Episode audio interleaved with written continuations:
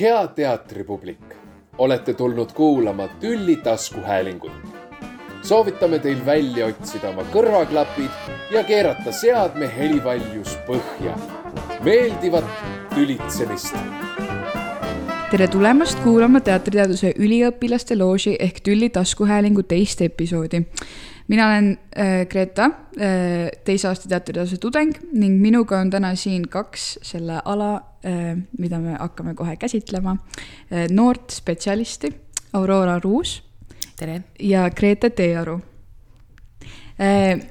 kas äh, alustuseks te saaksite natuke tutvustada ennast?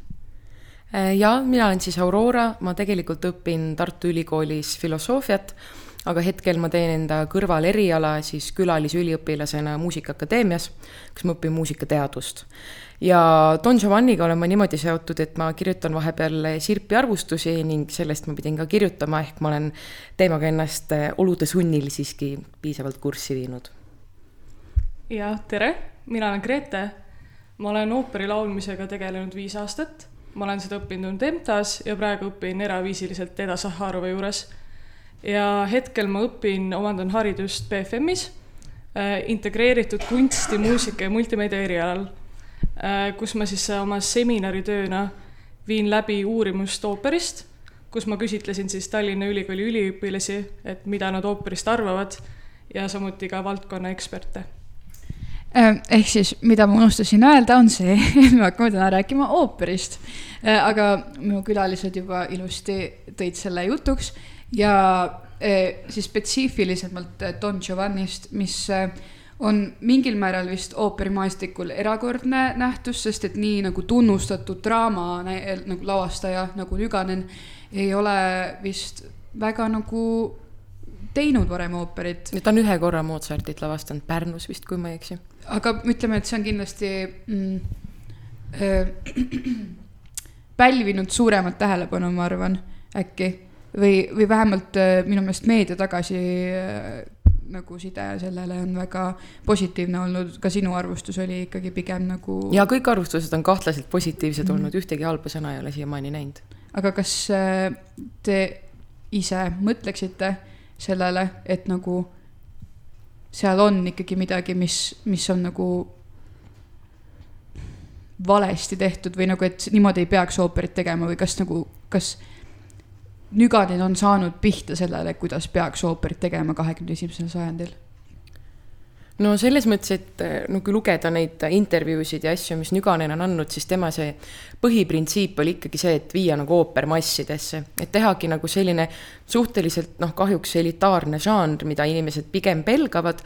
Teha see nagu ka kõigile mõistetavaks, et siis nagu ongi hästi palju kujundeid ja kõik see lavakujundus, kostüümid ja kõik need paigutused ja asjad, et nagu inimesed saaksid võimalikult lihtsasti aru, et selles kontekstis minu arvates tal on nagu õnnestunud et vaata tavaliselt, kui sa üritad sellist nagu lihtsasti seeditavat kontseptsiooni teha, siis ta kipub sinna kommertsiteed minema või natuke sihuke nagu labane. et selles mõttes mulle see Nüganeni interpretatsioon väga meeldis, sest ta jäi nagu lõpuni maitsekaks.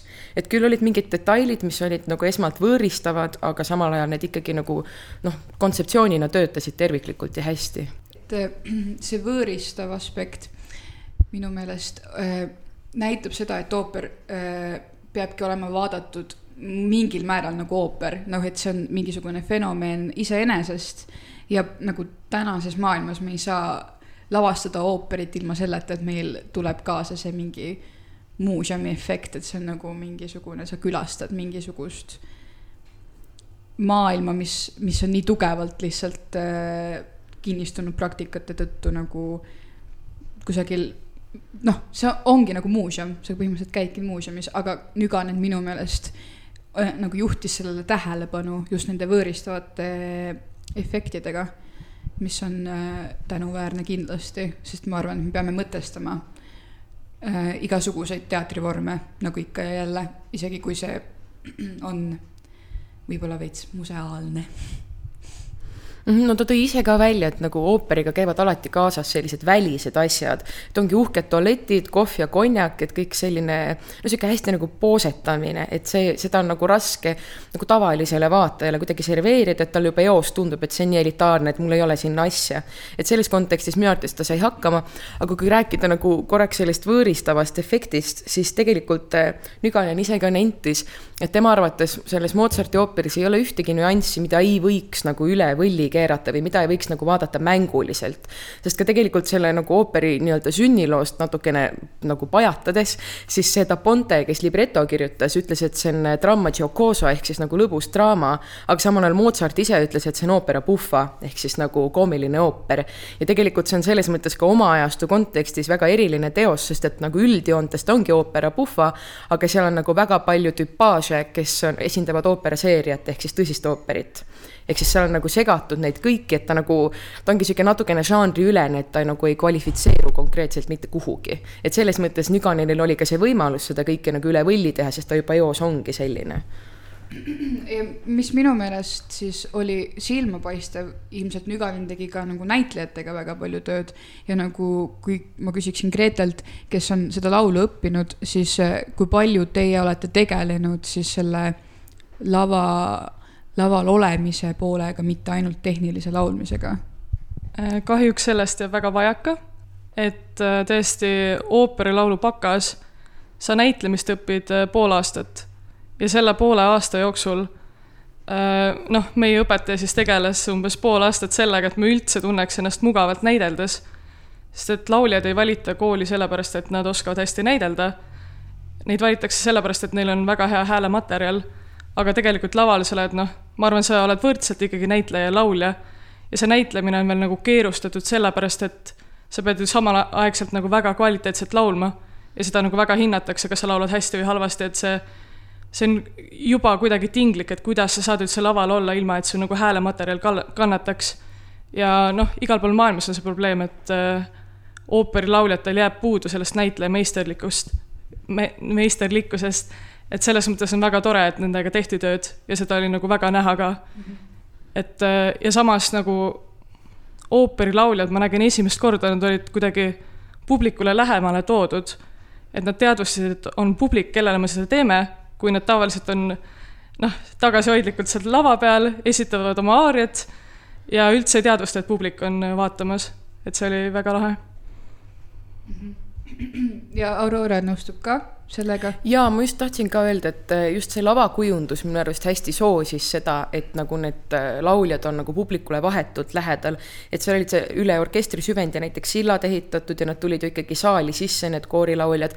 et selles mõttes see nagu kuidagi tõi seda palju lähemale ja muutis nagu intiimsemaks. kuigi teisest küljest, mis selle puhul nagu natuke häiris, oli see, et kuna Vanemuise väike maja ongi väike, et siis ta nagu kohati oli natukene ahistav. või näiteks see teater teatris printsiip, et nagu lava oli veel keset lava, et see oli nii tilluke. minul küll vahepeal käsi värises, ma olin nagu, et kas sa kukud alla või sa ei kuku alla. et selles mõttes nagu see natukene häiris, aga üldjoontes see ikkagi töötas hästi, et ta tõi tõesti publikule lähemale ja nagu aitas ka sõnadest, mis ju tegelikult on itaalia keeles, aitas sellest palju paremini aru saada. et kõik need žestikuleerimised ja asjad, et minu arvates see oli nagu hästi toiminud äh, kas te tooksite välja ka mõned rollid, äh, mis teie meelest äh, olid ikkagi silmapaistvad?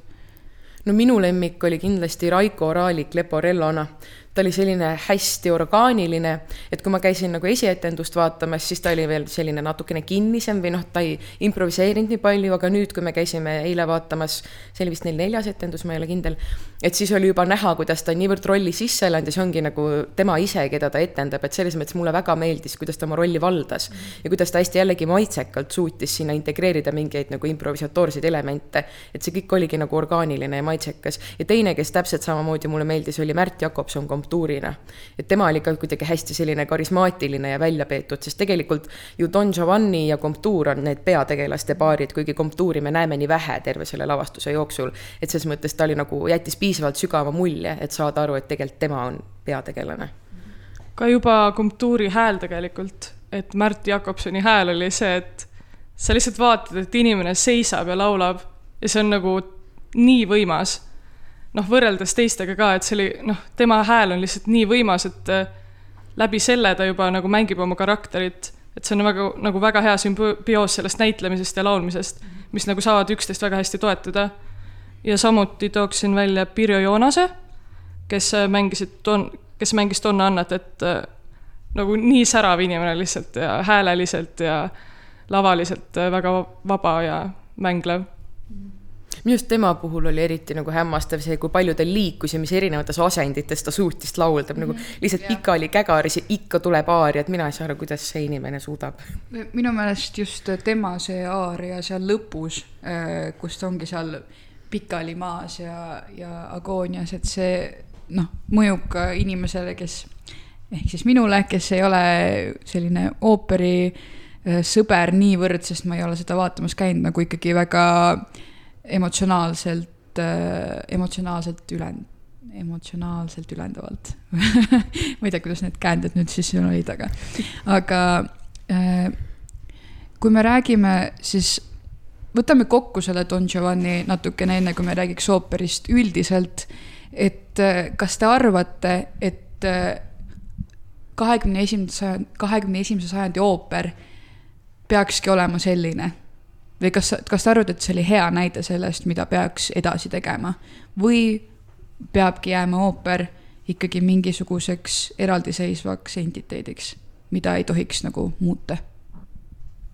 no minu arvates ei peaks jääma, et see tõesti nagu see muuseumi analoog, et sa ei noh, see ooper ei jõuagi kunagi inimesteni ja tegelikult ooper on läbi ajaloo olnud nii oluline kunst just nagu muusika arengus ja ka draama arengus, et seda ei saa lihtsalt nagu kõrvale heita ja öelda, et, et see on minu jaoks liiga elitaarne, ma ei taha sellega tegeleda. et selles mõttes ma arvan, see Nüganeni kontseptsioon ja interpretatsioon, need on nagu loodetavasti ikkagi teed rajavad, sest et see on nagu peamine võimalus, kuidas ooper saab massidesse jõuda. mitte, et kõik kõrged kunstid nüüd kindlasti peavad massidesse jõudma, sest siis nagu tuleb nagu tahes-tahtmata see kommertsimaik ikkagi mingi hetk juurde aga ma arvan, et ikkagi nagu teetähisena on see väga oluline, sest et tegelikult mujal maailmas on seda väga palju tehtud. et Eestis sellist nii-öelda kaasaegset ooperit on võrdlemisi vähe, üleüldse Eestis on ooperit vähe, sest publikut on vähe. et selles mõttes ma loodan, et see on ikkagi mingi impulss, mis nüüd hakkab seda ratast veeretama, et ka ooperit äh, proovida siis nagu tõesti mitte primitiviseerida, aga teha lihtsamini mõistetavaks. et see nagu tegelikult väga oluline ja kõrge kunst jõuaks siis nagu võimalikult paljudeni. ma arvan, et hea märksõna on eksperimenteerimine, et me peame julgema vähemalt proovida teha midagi teistmoodi. sest et äh, kahesaja-aastased lood tuua tänapäeva, et see on ikkagi keeruline ülesanne ja me peame mõtlema tänapäeva publikule. et seal oli katsetusi, mis olid väga huvitavad, mis toimisid väga hästi, äh, seal oli ka katsetusi, mis olid küsitavad, et äh, võib-olla korra tahaks ka rääkida nendest taustavideotest et noh, see oli siis äh, toodud ekraanile äh,, lava seal tagapool olid sellised stock footage videod, et äh, need tundusid natuke läbimõtlemata, et äh, kuna oli võetud lihtsalt kuskilt mingid videod, kus näiteks keegi nuttis, keegi hoidis käest kinni viis minutit äh,, mis ei olnud siis otseselt nende, need karakterid, keda me laval nägime, vaid olid toodud sisse siis nagu teised inimesed. et ma arvan, et jah, see kuidagi mõjus natuke, et kui ma näen seda nagu naist seal nutmas, et siis ma kusjuures kuidagi ei taha kaasa elada sellele. ja sest, et on mingisugune nagu grotesk äh, selle lavastuse tuumas, mis nagu noh, niikuinii seal peabki olema, aga minu meelest need, see taust, need taustaklipid, noh, need ei, grotesk peab ka ikkagi olema loogiline ja sobima kokku, nagu seal peavad olema ja. omad reeglid, aga see kuidagi noh, ma saan aru, mida ta sellega ilmselt üritas teha, et noh, ooperis on väga palju, et noh, kurb aaria, tore aaria, peoaaria või no mis iganes seal need on, et teil seal need muusikalised terminid, et on väga sellised stereotüüpsed äh, nagu kategooriad, mida me ühe, ühe ooperi siseselt näeme. ja võib-olla ta siis tahtiski rõhutada seda, aga ma arvan, et nagu visuaalse terviku mõttes see pigem ikkagi oli pärssiv äh, nagu vaatajale mulle tundus, et. meile, ma arvan, kui me sellest ka rääkisime. et see mõte oli nagu, et teeks midagi kaasaegset, paneme sinna need multimediaalsed videod, et see on niisugune multimediaalne lahendus, et see on huvitav, see on lahe, see on kaasaegne, aga aga need tuleb ikkagi nagu läbi mõtestada, et miks ma panen just selle video sinna, kui pikk see peab olema, et võib-olla isegi see käe hoidmine oleks sobinud, aga miks ta peab olema viis minutit.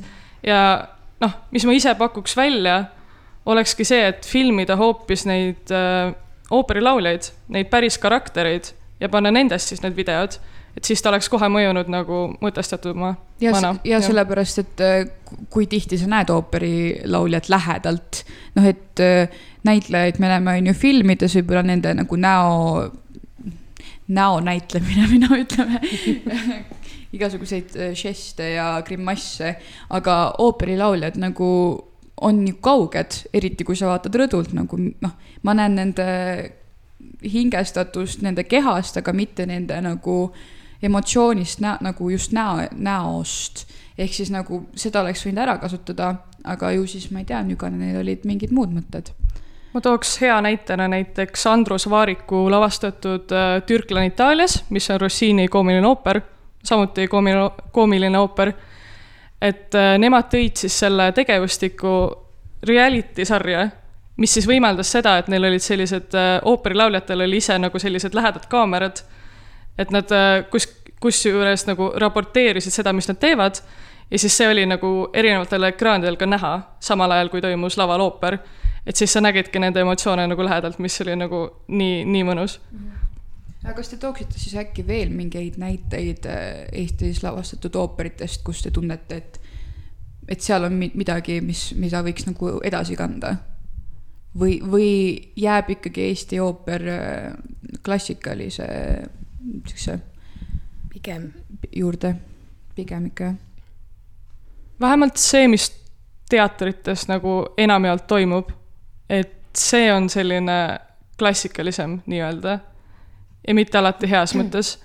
aga just siuksed katsetuslikumad ooperiprojektid, mis toimuvad, äh, Narva ooperipäevad, äh, Promfest, Saaremaa ooperipäevad, et seal on nagu rohkem julgetud asju teha.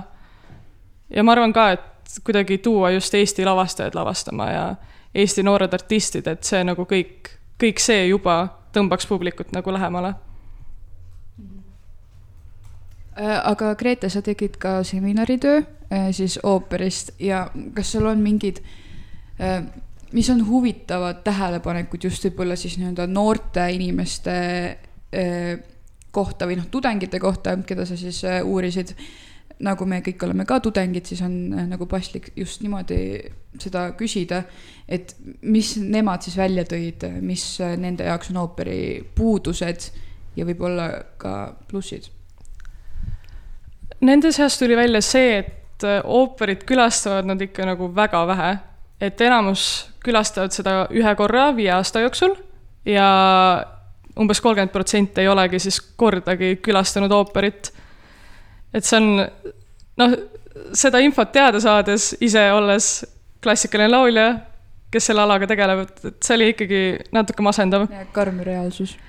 Äh, mis nad tõid välja, et äh, miks nad seal ei käi oli see, et ooper ongi nende jaoks võõras. et nad ei mõista seda, nad ei saa aru sisust, nad ei saa aru sõnadest, et noh, ooper on alati ju mingis võõrkeelses, võõrkeelselt esitatud, et itaalia keeles, prantsuse keeles, mis iganes. samuti, et neil on raske siis nagu, mida ma ise olen ka hästi palju tajunud, et ooper eeldab mingisi eelteadmisi selle kohta et ma pean teadma, millest see Don Giovanni nagu räägib, siis ma saan aru, mida nad laval üritavad teha sest muidu on see, et ma istun seal, ma ei tea sellest midagi, siis ma loen nagu samaaegselt pean lugema seda tõlget, samaaegselt peab mu tähelepanu olema lauljatel, samaaegselt seal taga on mingi video, et see on nagu nii palju, mida korraga hallata, et ongi raske nagu süveneda.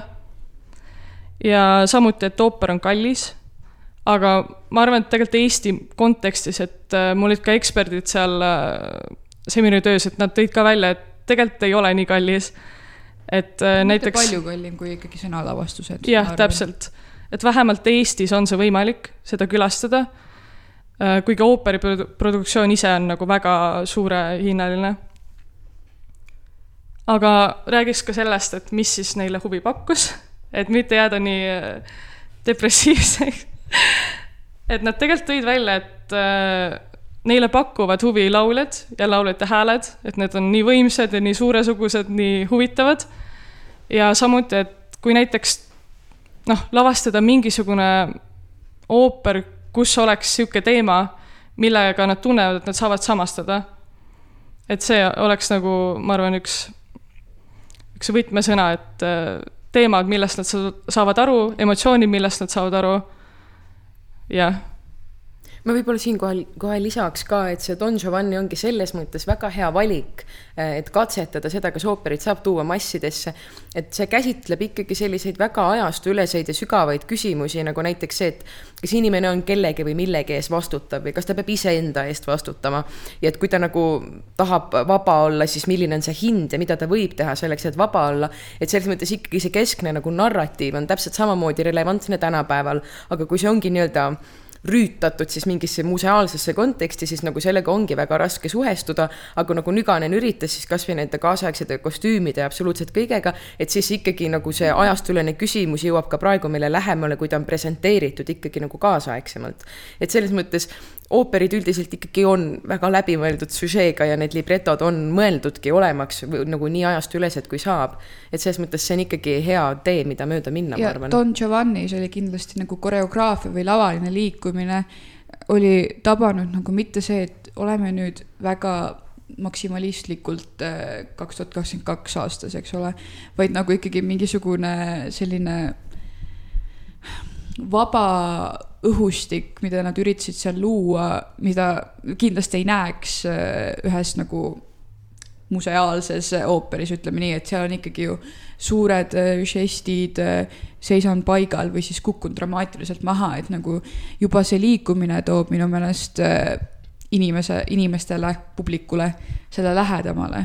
eriti mingid nagu koomilised asjad, sest et noh, ikkagi siiralt naerdi ka saalis kui ma enda kõrvale vaatasin, mul sihuke tunne, et sellel naisel jääb küll hing kinni kohe, aga mis, mis jällegi puudutab seda, et mis aitab publikule lähemale tuua, on see, et Nüganen oli lisanud selle Konstantse rolli, kes, keda mängis siis Saara Nüganen. Ja Konstantse oli ju siis tegelikult Mozarti abikaasa ja teda päriselt sinna nagu ooperisse sisse ei ole kirjutatud. et see oli esiti nagu väga võõristav, nagu mõtlesin, et noh, miks tema seal üldse olema peab, aga teisest küljest oligi nagu sihuke vahelüli publiku ja siis lavalolijate vahel, et temal oli ainsana õigus nagu kõike kommenteerida. tema jagas neid kollaseid kaarte, kui kellegi telefon nii-öelda helises ja kõik, kuidas ta neid rekvisiiti, rekvisiite tõi, et selles mõttes lõppude lõpuks see nagu mängis väga hästi välja ja ta oligi nagu väga hea vahendaja, ta tuletas sulle meelde, et sa tegelikult ei ole seal ooperis sees, et see on ikkagi etendatud samas tal oli ikkagi nagu mingisugune suhestumine ka Don Giovanniga mm -hmm. või et äh, kindlasti ma ei tea nüüd äh, Mozarti elulugu ja tema ähm, era, eraelulisi suhteid, et kuidas ta nagu naistega käitus, aga, aga et minu meelest ikkagi see äh, Saara Nügani tegelaskuju äh, oli mingisugune vajalik äh, tasakaalustav jõud nendele naistegelastele, kes seal laval olid, kes ikkagi panid ju Don Giovanni peale oma noh, mured või nagu süüdistasidki teda kõiges kuigi nad oleksid võinud, noh, okei okay,, kui, kui su isa on ära tapetud, siis sa ilmselgelt oled vihane, aga ütleme, et kui keegi sind võrgutab ja läheb, noh, minema, siis noh, ma ei tea, no Saara Nügani tegelaskuju ilmselt oleks käega löönud ja hakanud seal tantsima või midagi, aga aga seal Donna Elvira ilmselt poleks seda teinud, et ma, ma arvan, et, et see oli tegelikult ikkagi väga hea valik just mingisuguse energeetilise nagu poole, poole, pooles, poole poolest mm. -hmm. aga, aga jah, mõtlen siis veel sellele, et, et mida saaks nagu teha öö, paremini võib-olla, et mida need noored inimesed siis ootavad, noored inimesed nagu nad oleks, noh, mida meie generatsioon ootaks ooperist? ma arvan, et ka ooperilaulid ise võiksid olla julgemad, et tihti, tihti nad jäävad ikkagi ooperiteatritesse ja nad ei näita ennast avalikult või ei esine avalikult eriti väl-, noh, väljaspool ooperiteatrit et mida on teinud. või siis Eurovisioonil. jah, et seda ma mõtlengi, just tahtsin tuua, et Elina ikkagi, Elina Tšajeva, et see on äge, et ta, ta teeb kontserti, ta võib laulda popi, aga ta laulab ka ooperiaariaid. ja ta laulab ka klassikat, et selles mõttes, et kui ma kuulan teda seal kontserdil ja nüüd ma tean, et ta nüüd esineb öökuningannas Estonias, tuleb varsti välja, siis ma tean kindlalt, et ma tahan teda sinna vaatama minna.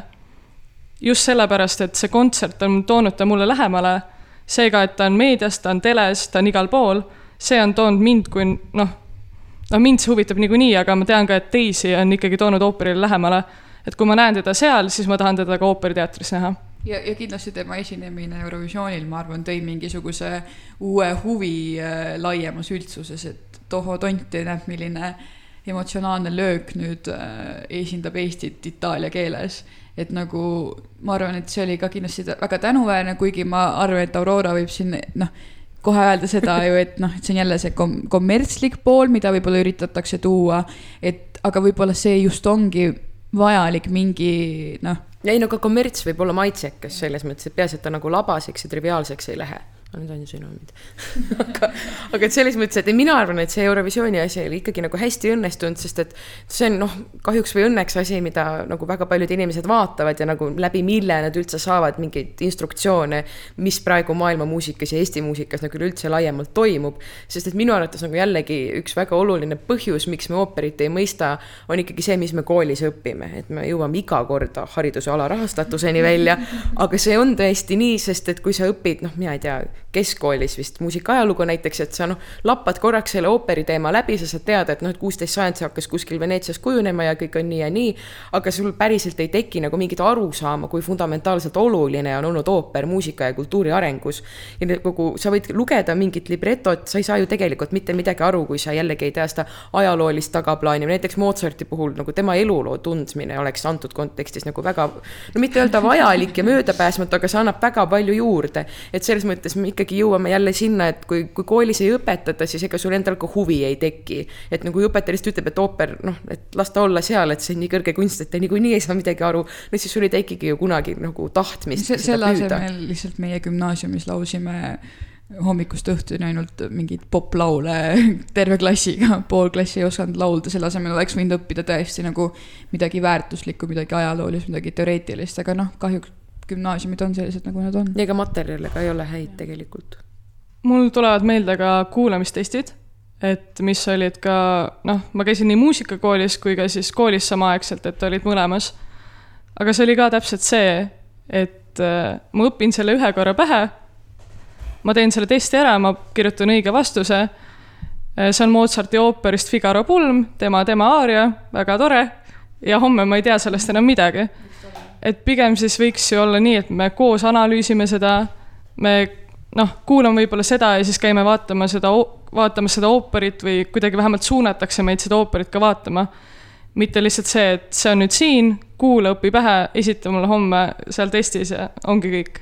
ja vaadates, kui palju tegelikult oli nüüd siis sellel eilsel või üleeilsel, ma ei mäleta, mis päev see oli, kui me käisime vaatamas äh, äh nüüd uuesti seda Don Giovannit kui palju oli noori inimesi, siis ma eeldan, et need inimesed on ka ikkagi jõudnud läbi haridussüsteemi sinna, et kas siis nagu muusikakooli või siis noh, üld, üldhariduskooli kaudu, et noh, muidugi oleks ju lahe mõelda, et need inimesed, neid kõiki neid noormehi huvitab. no seda ikka naljalt ei juhtu no seda ilmselt ei ole, aga võib-olla siis noh, Tartu koolid teevad äkki tänuväärset tööd, ma ei saaks öelda, et nüüd Tallinna koolid, olles ise selles süsteemis nagu Tallinnas olnud ei oleks meid nagu noh, meile andnud seda impulssi, aga ega see noh, isegi kui, kui noh, minge vaatama seda nüüd sinna, eks ole, seda kontserti, minge kuulama, ega noh, sa kuulad ära selle, ongi, lähed koju, võib-olla hakkab huvitama, võib-olla natuke uurid ise juurde, aga tegelikult mingisugust nagu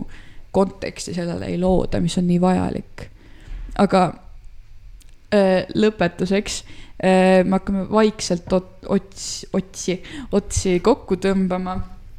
Äh, ma küsiks siis äh, võib-olla rohkem isiklikult. ja küsiks isiklikult, et kas, kuidas teie ise olete nagu mõtestanud ooperit enda jaoks, mida see teile annab, miks teil seda vaja on?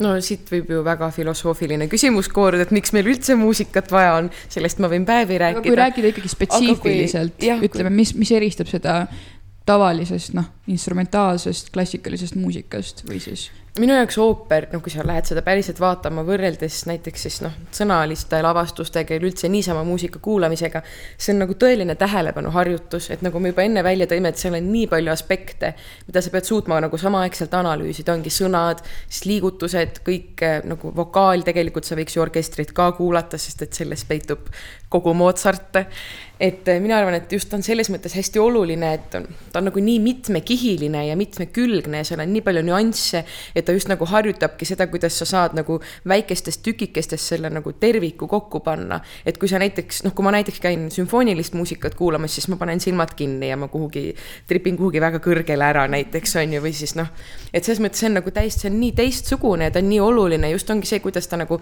integreerib kokku nii palju erinevaid nüansse, ongi kuskilt kultuuriloost, kuskilt muusikast, kõik need kostüümid ja ajastulised aspektid, et selles mõttes ta on ikkagi nagu kultuuripeegel nagu palju rohkem ja sellepärast on minu arvates hästi oluline ja temast ei saa üle ega ümber. jaa, äh, mina jõudsin ooperini äh, tänu sellele, et mulle öeldi, et mul on taoline häälematerjal, mis võimaldaks mul laulda ooperit. ja sellel hetkel gümnaasiumis, mitte teades, mida ma edasi teen, ma alguses tahtsin sellele väga vastu olla et kuna ma, mu enda teadmised ka ooperist ei olnud väga suured, siis ma mõtlesin, et noh, noh, mis see mulle annab, et see on ka kuidagi nii võõras ja tundub nii raske. ja siis ma ikkagi otsustasin minna õppima ooperilaulu. mida ooper annab mulle, noh, kuna ma olen eelkõige laulja, siis see laulmine ise, et see on maailma kõige võimsam tunne, et kui sa oled kirikus ja sa kuuled, kuidas su kõrged noodid lähevad kiriku nagu viimase selle katuse, lihtsalt jõuavad kiriku katuseni, et see on nagu, ma isegi ei usu, et ma ise seda laulan. et see on nii nagu tervendav, see on, tervendab nii mul, mulle kui ka siis ka sellele publikule, keda ma, kellele ma siis oma laule esitan, et see, see laulmine ise on nii lahe. see on ikkagi selline kõrgustesse minek. see on see... jah, see on, ma isegi ei oska seda nagu tunnet kirjeldada ja see tunne, mis sa saad ka peale laulmist, et see kõik et sellepärast, sellepärast ma laulan ja sellepärast mulle pakub huvi ooper.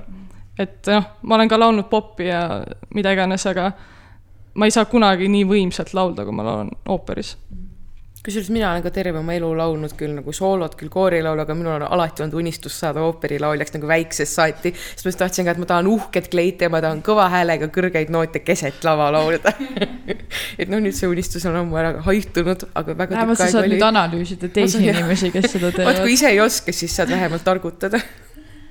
jah, aga ma arvan, et sellega me peame äh, lõpetama. kindlasti ooperist võiks teha omaette podcast'i. peaks. peaks tegema äh, aga ma väga tänan teid, sest et te olete mõlemad väga targad ja toredad. ja mul oli väga tore teilt kuulata nii palju asju, mida mina ei oleks kunagi varem teadnud, sest olen mina aga aitäh teile. aitäh kutsumast. aitäh.